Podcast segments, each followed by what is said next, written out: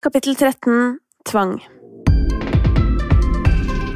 Tvangslidelse, eller OCD, Obsessive Compulsive Disorder, er ubehagelige tanker og eller tvangshandlinger som kommer igjen og igjen.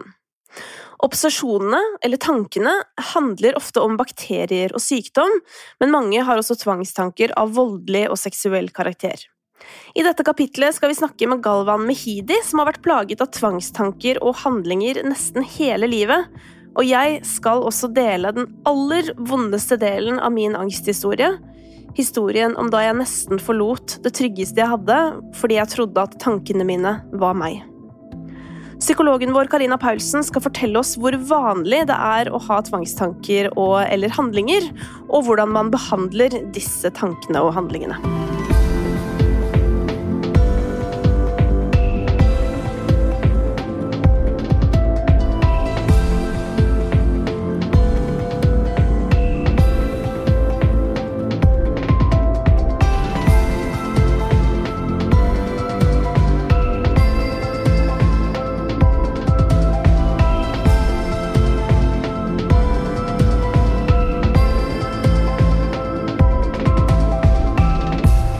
Kapitlet skal vi snakke med Galvan Mehidi, som er 29 år fra Mysen, og som jobber som TV-produsent. Hjertelig velkommen, Galvan. Takk. Du, Kan ikke du fortelle oss uh, historien din med angsten?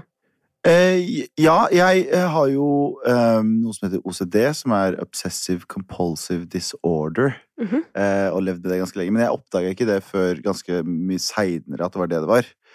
Eh, jeg, jeg, har liksom alltid hatt en sånn vanvittig angst for Eh, at noe skulle skje med foreldrene mine, døden, et eller annet sånt noe. Så jeg alltid, liksom, fra jeg var liten, alltid sjekka Klarte ikke å sove hvis jeg sjek, ikke sjekka alle ovnene i huset, diverse. Men jeg så ikke på det som et problem på den tiden. Det var bare naturlig. Hvis jeg ikke gjorde det, så kom jo foreldrene mine til å Det høres jo veldig morbid ut, men så kommer jo dem til å dø. Eh, så det starta jo sånn. Eh, men det var ikke før jeg var sånn 16 der liksom de virkelig psykiske problemene kom. Det var bare en sånn stor tåkepålagt tid for meg, for det var sånn du kunne Jeg våknet opp med konstant angst. Eh, um, visste ikke hva jeg skulle gjøre av meg. Det kom i byger. Jeg prøvde å få tak i hjelp via skolepsykologen. Eh, og klarte ikke å liksom formulere noe vettugt. Ja, det, det, er så vanskelig å forklare. Ja, og, du er ikke alene om det, da. Det er jo flere som har fortalt mm. gjennom denne serien at man har ubehagelige følelser da, mm. eh, på ungdomsskolen, videregående, og at det er så vanskelig å og ja, det, Man aner jo ikke hva det er selv, så hvordan skal man forklare mm. hvordan man har det, da? Mm. Ja, det, det, det, er nettopp det. Og jeg, og jeg, brukte så vanvittig lang tid da, på å skjønne hva det var. Eh, og det var så Og jeg, jeg, jeg er jo alt, jeg er jo ateist. Jeg har jo ikke noe eh, Jeg tror ikke på noe magisk, men innenfor liksom OCD så er det noe som heter magical thinking, som er Eh, du tror ved å gjøre en handling, så vil det skje noe annet. Det er magisk tenkning. Hvis jeg, hvis jeg, gjør det her, så dør noen andre et annet sted. Og det er liksom All logikk i det sier det er jo totalt bullshit, men på den tiden så hadde jeg ikke noe grep om øh, disse begrepene, eller jeg skjønte ikke hva det her var. Så for meg så var jo det noe jeg absolutt ikke kunne stoppe. Mm. Jeg kunne gå gatelangs en kveld, og så kunne jeg føle at jeg mista all tyngdekraft. Så jeg husker det var en gang jeg, jeg brøyt sammen, og jeg satt og holdt meg Jeg satt meg ved siden av, jeg satt meg på en benk, så holdt meg på en lyktestolpe. Fordi jeg var sikker på at hvert øyeblikk nå så kom tyngdekraften til å forsvinne. Mm. Og andre siden av hjernen din så skjønner du dette her er jo helt absurd. Hva er det du gjør? Men samtidig sitter jeg der og skjelver og er helt, helt nedbrutt. Men det var bare en sånn Hjernen min prøvde bare å forstå hva som skjedde, tror jeg, da. Mm. For det var bare sånn konstant angst, konstant følelse av Og det var så mye, da. Og til og med til den dag i dag, jeg er snart 30 år gammel, og jeg klarer fortsatt ikke å beskrive hva jeg følte i den perioden, for det var bare en sånn eksplosjon av frykt, eh, konflikt eh, Jeg aner ikke. Men når fant du ut hva det her var, da? Det tok lang tid, men jeg tror det var ehm, Jeg flytta til Jeg bodde i Trondheim da jeg var 16. Sånn jeg vokste opp på Mysen, flytta til Trondheim da jeg var 16. Faren min så at jeg var vanka liksom med feil folk, og han sa nå er det på tide at vi flytter. Um, og så dro jeg, var jeg i Trondheim, og hele den perioden i Trondheim var ganske sånn angstfylt. Flytta tilbake til Oslo i 2012. Da øh, oppsøkte jeg lege igjen. For da, da, var det nok, liksom. For da, da, da kunne jeg ikke fortsette. Eh, og uh, var egentlig bare helt nedbrutt. Eh, og da møtte jeg en psykolog som het Thea. Men det var først når jeg møtte henne som jeg fikk litt mer perspektiv på ting. Fordi det var liksom det For OCD for meg har vært sånn folk som har bare kasta litt rundt. Sånn 'Jeg har så OCD, altså. Jeg klarer ikke å la den her ligge der.' Og det har bare vært, For meg så har det bare vært sånn hva som helst. Men når hun liksom satte seg ned og liksom virkelig prata med meg om hva OCD egentlig er, at det er på en måte en måte å prøve å dempe angsten på. Mm. Du har angst som ligger i bunn, og så er OCD bare et sånt verktøy du tror kommer til å redusere den. Jeg husker jeg eh, brukte Og er, nå overdriver jeg ikke det i tatt. Jeg brukte en og en halv time på å få på meg buksa. Jeg tok den av og på, av og på, av og på, av og på. av og på. Jeg visste at for, hvis jeg tok den på feil, så kommer foreldrene mine til å dø veldig snart. Mm. Og så jeg overdriver ikke når jeg ser på klokka, og det har gått en og en halv time, og jeg bryter ned, og jeg ligger og gråter i fosterstilling. Uh, og jeg må bare fortsette, fortsette, fortsette, fortsette, fortsette, fortsette og jeg svetter og jeg svetter. og jeg, liksom, jeg, det, I den perioden så måtte jeg bruke i hvert fall to-tre timer før jeg, Hvis jeg skulle dusje, så måtte jeg ha to-tre timer på meg. Det, det, var liksom daglig rutine for meg var å holde av to-tre timer før jeg dusjer. Hvis jeg skulle opp klokka åtte, så måtte jeg opp, eller jeg skulle dra klokka åtte, så måtte jeg opp klokka fem på morgenen jeg blir så nysgjerrig når du forteller, Galvan, fordi jeg har jo panikkangst, ikke sant? Mm. Og det er liksom den følelsen jeg kjenner. Eh, og når jeg hører deg beskrive mm. altså den følelsen av og på, av og på, mm. hva kjenner du da inni deg? Det er så vanskelig å forklare. Til, jeg klarer ikke å forklare det. Det er bare en, den derre Det er som om noen og prikker deg i ryggen. da. Og han personen kommer til å drepe familien. Det er den beste måten jeg kan forklare det på. At hvis, hvis du ikke tilfredsstiller den personen, så, er, så, så, så kommer den til å gjøre deg vondt. Jeg må bringe inn psykologen vår, ja. Karina Paulsen. Ja. Det Galvan forteller om uh, nå, mm. hvor vanlig er det? Eh, hvis man ser på befolkningen sånn generelt, så er det 1-3 prosent eh, som rammes. Og jeg vil si det er mye mer vanlig enn det man hører om det. Dette er en gren av angstlidelsene som man sjelden snakker om, eh, og den er kjent for å være liksom eh, Altså skam, skamlidelsen, eller fordi det er så Eh, ofte mye skam i det, og frykt for å nettopp da fortelle eh, og si høyt, sette ord på. Også fordi, som Galvan forteller, det er jo, eh, det er jo ganske ekstreme tanker. Eh, og det er man jo på mange måter eh, klar over selv også, og, og, desto større eh, barriere for å sette ord på og fortelle til andre. Mm. Jeg lurer litt på hva som er forskjellen på tvangstanke og tvangshandlinger. for Galvan har jo på en måte begge deler. Han har jo en tvangstanke om at hvis mm. han ikke gjør denne tingen, så kommer det til å skje noe. Mm. Men i tillegg så gjennomfører han da eh, handlinger. Mm. Eh, som Galvan så fint beskriver innledningsvis, så er OCD eh, Obsessive Compulsive Disorder. Eh, og det handler jo om både obsesjoner, men også eh, det kompulsive, som er, eh, som er handlingene. Eh, obsessive, det obsessive i OCD-en eh, henviser til tankene. Det er det Galvan beskriver når han, når han snakker om eh, tvangstanker. Det kan være ubehagelig påtrengende tanker, som for eksempel å skulle skade seg selv, skulle skade andre, eller tanker om hva som vil skje med andre. Ehm, eh, kjennetegnet med disse påtrengende tankene er nettopp at de er ubehagelige og, og påtrengende. Mm. Og så er det handlingene som man ofte utvikler for nettopp å nøytralisere uroen.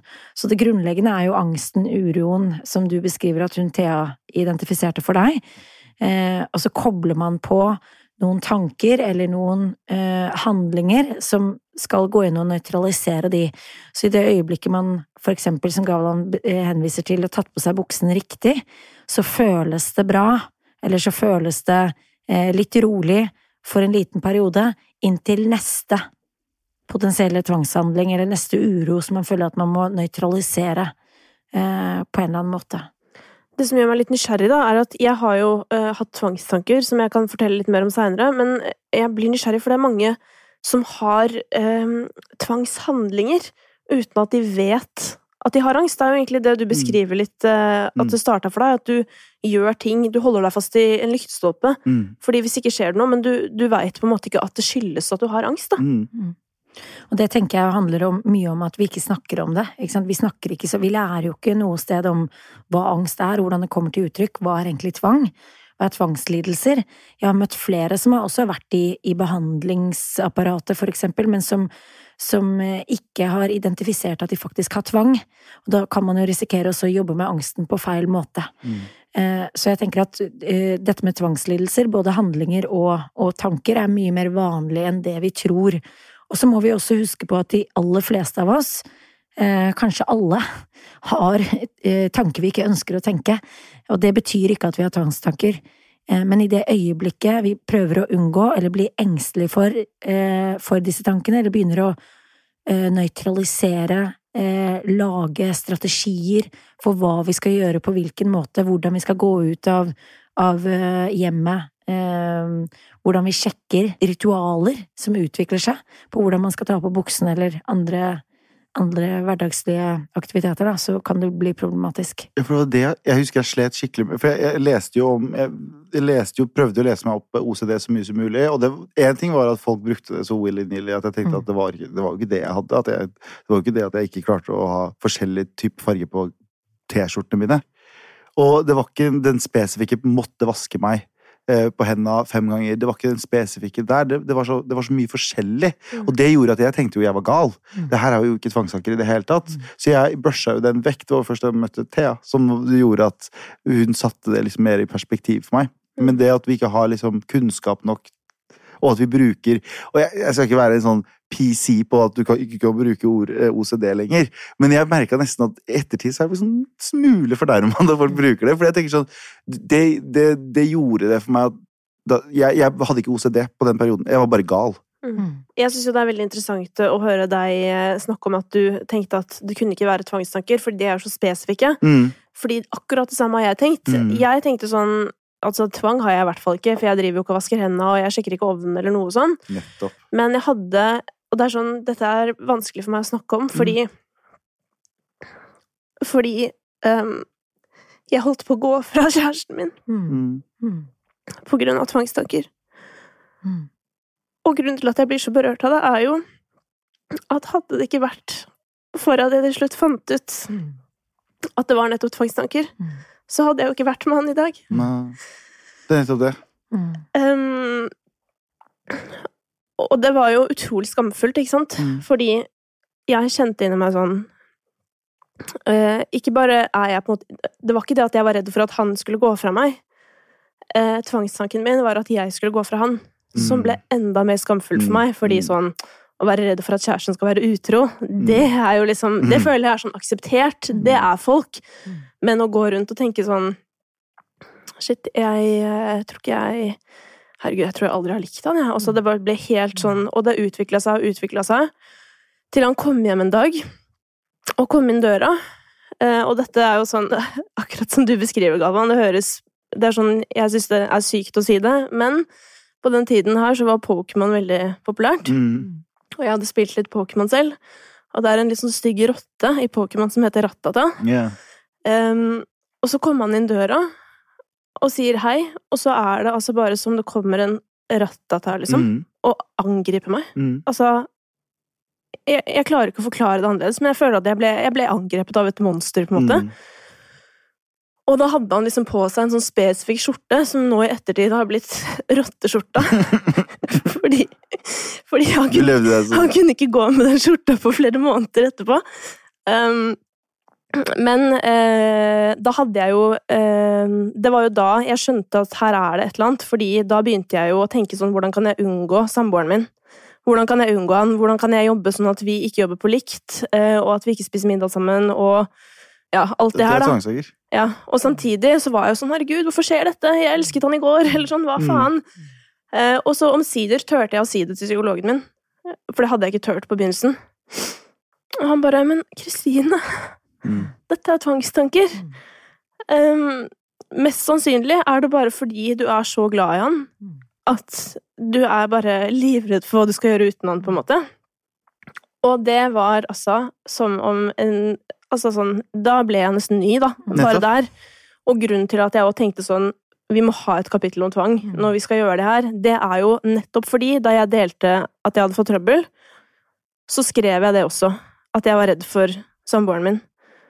Og det satt ganske langt inne for meg å si, men nettopp fordi det har vært det verste. For jeg tenkte hele tiden sånn Ok, jeg kan ha det dritt, det er greit, det har jo Simon, på en måte. Og så når, måte, når, når det- også ble tatt fra meg, da var det bare sånn Fy faen, nå går det ikke lenger. Ehm, og det er jo det jeg har fått mest respons på fra folk som har lest innlegget jeg har skrevet. Mm. Nettopp det. At de er redd for å drepe familien sin. Altså at de er redd for hva de kan kunne komme til å gjøre med sine nærmeste. Venner, med seg selv. Og da ble jeg bare sånn Herregud, Mm. er det så vanlig? Mm. Folk sitter og, og tror de skal drepe kona si. Mm. Eller mannen sin. Mm. Ja, eller thought action fusion. Altså at man er redd for å handle på tanken. Hva sier det om meg at jeg tenker denne tanken, og hva hvis jeg bare handler på den? Mm. Hva hvis jeg ikke er i riktig forhold? Har jeg noen gang likt han? Ikke sant? At man begynner å tenke sånn, da. Eh, og at det kobler seg på masse angst i forbindelse med de tankene også. Og så tør man ikke å sette ord på det eller si det høyt, fordi det er så skamfullt. Blir man gående i det og dyrke det selv, og så er det en veldig negativ spiral og ekstremt angstinduserende i seg selv. Og man føler jo at det er sannheten. Det er jo Ja. det som er så ekkelt, og det er jo da du føler at du har blitt klin gæren. Og det er noe av det virksomme, da, eh, og noe av det viktige, tenker jeg, å trekke frem i forbindelse med tvang, fordi man nettopp tillegger følelsen å være sannhet. Mm. Ikke sant? Så man jakter hele tiden den nøytraliserende effekten, eller at man skal justere følelsen av angst ned, for eksempel gjennom ritualer, eller Mm. gjennom eh, tanker, å nøytralisere med noen, visse tanker, for eksempel, eller prøve å unngå noen tanker. Og det er kanskje noe, noen av fellestrekkene mellom OCD og panikklidelse, den unngåelsen. Mm. Unngåelsen av visse tanker, eller av visse steder, eller av visse symptomer, som man er redd for at skal trigge eller ta over, og at man mister besinnelsen. Men det var det som, det var akkurat de ordene du brukte, som hjalp meg å, å liksom få litt mer kontroll på den, og det var når de sa at tvangstankene dine er kun for å forsøke å dempe angsten.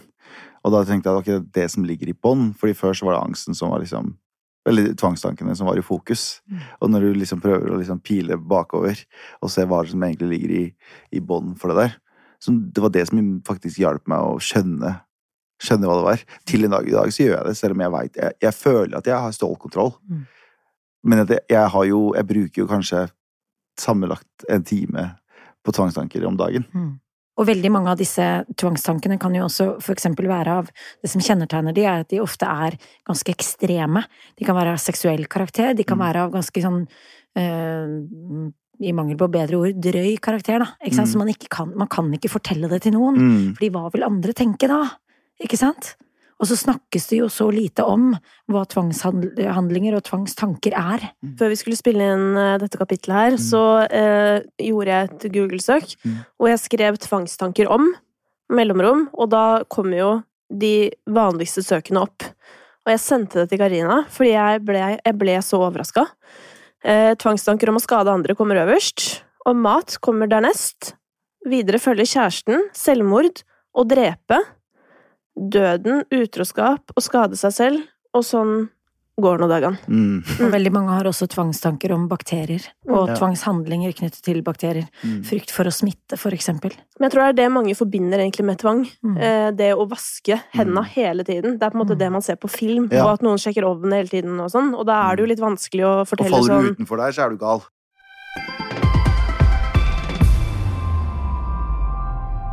Karina, Mm. Vet man noe om hva det er som forårsaker eh, tvang? Jeg tror det er forskjellige, eller det er forskjellige typer teorier på det.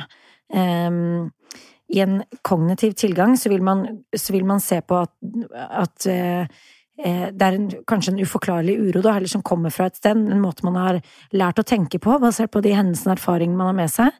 Så har man tillagt de, de hendelsene eller erfaringene en bestemt mening, som da gjør at man eh, begynner for eksempel å prøve, prøver å nøytralisere, finne måter å håndtere, eh, løse det problemet eh, som er uroen, da, Mm. på. Det kan være gjennom tvangstanker eller tvangshandlinger, for eksempel. Mm. Og det er ganske vanlig blant barn, og det er viktig å si noe om her. Eh, Så du som lytter ikke blir bekymret hvis du for eksempel har barn. Eh, Og det er ikke ensbetydende med at, eh, at man har tvang som voksen. Det er viktig å si noe om. Altså, det er jo sånn at um, mange som er preget av tvangstanker, er, har tanker som er av seksuell eller voldelig karakter. Det er jo veldig mye mer vanlig enn man skulle tro, eh, og de er kanskje ekstra skambelagte. Men bare for å eh, illustrere, Karina, hvor vanlig er det egentlig? Jeg tenker at det representerer nettopp eh, det mest skamfulle, og derav også eh, det som virkelig trigger og vekker angst. Hvis man forestiller seg at 1–3% av befolkningen eh, har tvangslidelse, eh, så kan man forestille seg at eh, hver tiende person da, omtrent har sånne typer av tanker. Mm. Og de aller fleste av oss igjen da, har jo påtrengende ubehagelige tanker, men forskjellen fra en som, eh, som lider under OCD, altså tvang, og en som ikke gjør det, det er meningen vi tillegger de tankene når de kommer. Mm. Eh, så man kan ha en, eh, en, ubehagelig påtrengende tanke og tenke at oi, det jøss, ikke sant? Eller ikke legge merke til den engang. en gang eh, altså, tenke på den eh, fra et distanserende perspektiv, da. At tankene mine er ikke meg. Mm. Mens en med OCD vil tenke hva sier det om meg som person, at jeg mm. tenker de tankene, hva hvis jeg kommer til å handle på de? Det er veldig mye tvil, mm. det er veldig mye kontroll, det er veldig mye skam. Men hvis man da forteller da, at man har eh, tvangstanker av voldelig karakter, for eksempel, da, hvis jeg forteller deg, Galvan, at jeg eh, innimellom har en tanke om at jeg må gjøre noe voldelig mot folk rundt meg, mm. Eh, for det første så er jo det en utrolig vanskelig ting å fortelle. Mm. Men tror du Altså, tror du det kan komme til å gjøre folk rundt den bekymra? Det er absolutt ikke grunn til bekymring. Når det kommer til tvangstanker, så, så dreier det seg om ubehagelig påtrengende tanker som man er redd for å handle på. Og det er en lang vei derfra til å skulle handle på, den, på en sånn tanke. Mm. Og det kan, man, det kan man, også sjekke av på og, og bruke som en del av eh, behandling også. At hvilken mening tillegger man i tankene? Hva, hva, hvordan føles det å tenke de tankene? Og veldig mange opplever jo da avsky, for eksempel frykt, ikke sant? Eh, eller at man blir lei seg eller trist av tanken. Det sier jo noe om at det er ganske langt fra å skulle handle på. Mm. Og det tenker jeg er viktig for de også å bli gjort oppmerksom på selv har du Det her er noe jeg personlig lurer på også. Fordi når jeg, når jeg, får angst, eller de tvangstankene og de som dukker opp, det er, det er, det er så vagt hvor, når de dukker opp. Og jeg lurer på hvor Er det noe Er det, noe, er det en, et snev av Tourettes i dette her? De kobles ofte sammen. Så eh, Absolutt ja, det kan være verdt å undersøke eh, om det er en sammenheng, og i hvert fall hvis det er noe som kan hjelpe deg. Mm. Altså Hadde du hatt en samboer, for eksempel, da, og du hadde brukt to til tre timer på å dusje hver dag, for eksempel, mm. så kunne det jo blitt en utfordring. Og for mange så er jo det sikkert nettopp det, at det kan oppleves som en belastning for pårørende. Eh, hvis noen er redd for sykdom og smitte, eh, og kan drive og innføre regler hjemme, på en måte. Eh, og vi har jo et kapittel til pårørende, Karina, men akkurat når det kommer til tvang, så mm. er det litt spesielt. Mm. Hvordan kan man forholde seg til Hvis man har en eh, samboer eller partner eller nær familie som, som hindrer eh, også kanskje din livsutfoldelse, da? Så tenker jeg at den samboeren eller partneren eh, har en eh, normaliserende effekt. Fordi den personen kan stille spørsmålstegn ved disse ritualene, for eksempel, eller spørre inn til det, være nysgjerrig, eh, og, og få personen med tvang til å tenke seg om en ekstra gang, da. Eh, eh, bli bevisst sine egne handlinger, og, og, på den måten også skape en distanse til de. Mm. Til både tanker og handlinger. Og på den måten så, så kan det være til hjelp og til støtte. Og nå ønsker jeg å gå litt inn på behandling. For hvordan er det vanlig å behandle tvang? Den vanligste formen for å behandle tvang er responshindring. Det vil si at man utsettes for eh, ubehaget, men uten å legge på den nøytraliserende handlingen eller, eller, tanken. For eksempel, da, hvis man har som eh, rituale at man må sjekke at ovnen er skrudd av så og så mange ganger før man går hjemmefra, eller ta ut stikkontakter, eh, så vil man komme frem til en løsning sammen med sin psykolog da, eller behandler Eh, hva som vil være rimelig, hva som vil være fornuftig, hva er det folk flest gjør, og, og trene på å gjøre det. Og da vil man naturlig nok oppleve angst, uro, ubehag i starten, og så vil det gå bedre og bedre, det vil si at man får mindre og mindre ubehag og, og angst knyttet til disse handlingene. Men hvis man da klarer da å ikke handle på tanken, ikke sant? at man klarer å la være å sjekke om man har skrudd av ovnen, Mm. Kan da tvangstankene forsvinne helt? Absolutt. Det kan de.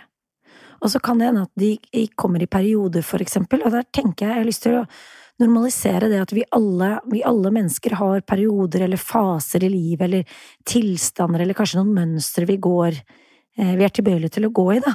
Og det hele kan, eh, kan bli noen påminnelser til oss om å passe på oss selv, for eksempel. Eh, noen kan eksempelvis eh, ha lett for å komme inn i tungsinn i perioder hvor de har jobbet for mye eller eh, hvor de glemmer å ta vare på seg selv, men er veldig mye til stede for andre. Noen kan oppleve å få tvangstanker eller angst eh, knyttet til samme, og det heller kan være ufarlige påminnelser som kanskje handler om noe annet. Hos noen er det sånn, men ja, tvangen kan forsvinne. Hva er det som har hjulpet deg mest med behandlingen, Galvan?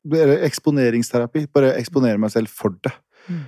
Eh, og bare eh, for, det, for min del så har det funka et par ganger å liksom bare eksponere meg for det. Den aksepten om at ok, la det som skjer, skjer. Eh, og så har det dempa seg i perioder, så har det kommet tilbake. Så det går i veldig sånn byger. Mm. Og det er for grunn av at jeg har gått hardt inn med meg selv og bare eksponert meg for alt. Det verste. Det var en periode jeg hadde flyskrekk, og da satt jeg, da brukte jeg å bestille liksom midtsete bakerst i flyet på kveldstid. For da visste jeg at det kom til å være et mareritt, men da eksponerte jeg meg. For neste gang jeg fløy da, så sitte foran i en del, liksom, var jo en drøm i forhold.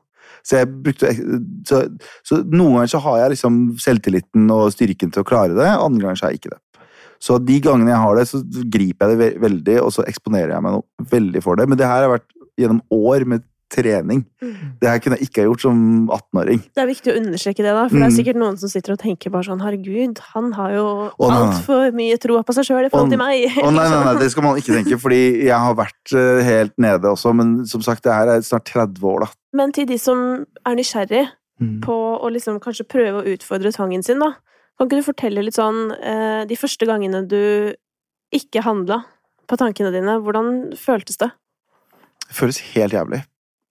Det føles helt grusomt. Det, alt, det er som et tau som bare trekker deg tilbake. Mm.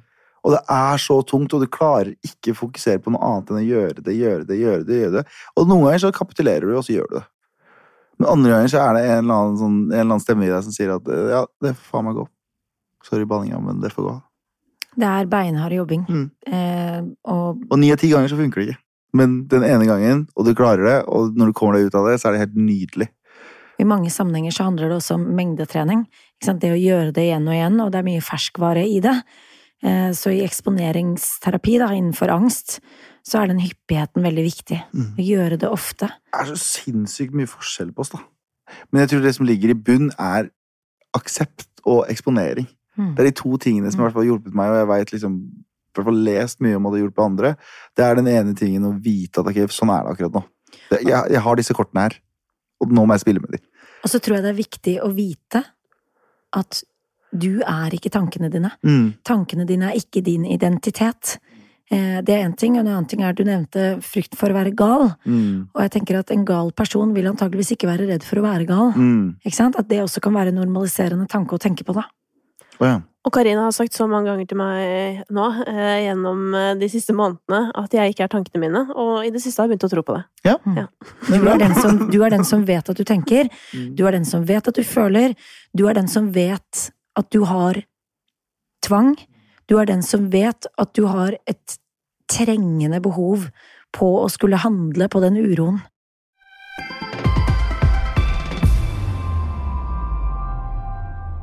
Du forteller jo at du senest i dag, på vei hit, eh, hadde både tvangstanker og utførte handlinger. Mm. Um, hva er den vanligste tvangstanken du har nå for tida? Best vanlig nå er eh, telefonsamtaler med foreldre, måten jeg avslutter de på. Det er liksom veldig sånn alfa og omega. Eh, Det er alltid en eller annen sånn avslutningsforhold med foreldre eller familie. Fordi jeg tror det er en sånn egoistisk følelse, men jeg vil ikke sitte igjen med noen skyldfølelse på noen måte hvis noe skulle skje med dem. Men hva er det du er redd for at skal skje da, hvis du ikke avslutter på riktig måte? at, at eh, det siste At det, hvis det, det siste øyeblikket vi var sammen eller pratet sammen, ikke var tilfredsstillende på noen måte Så hvis jeg krangler med dem, så må jeg si sorry på slutten. Liksom, jeg klarer ikke, Uansett om jeg vet at det er lillebroren min jeg vi krangler ganske mye, og uansett om jeg vet at det er hans feil, så må jeg på en måte liksom Jeg, jeg vil ikke ha noe uoppgjort, da. Hva er det viktigste du har gjort for å leve bra med at du har det som du har det? Um, ja, jeg tror Kort og godt så er det aksept. Og det å vite at sånn er du, og hvordan kan du leve med det. Og det er ikke noe galt med Ikke, ikke, ikke avslutt. Åh, det hørtes veldig morbid ut. Men uh, ja. Jeg har lyst til å legge til at det er ganske paradoksalt at en som har eh, så mye omsorg for, og samvittighet for sin egen familie og for sine medmennesker, er redd for å skade, ikke sant? Der er det paradoksale i tvangen, da. Og det tror jeg veldig mange kan kjenne seg igjen i, mange som lider under tvangslidelse. Eh, og derfor er det så viktig også at du setter ord på det.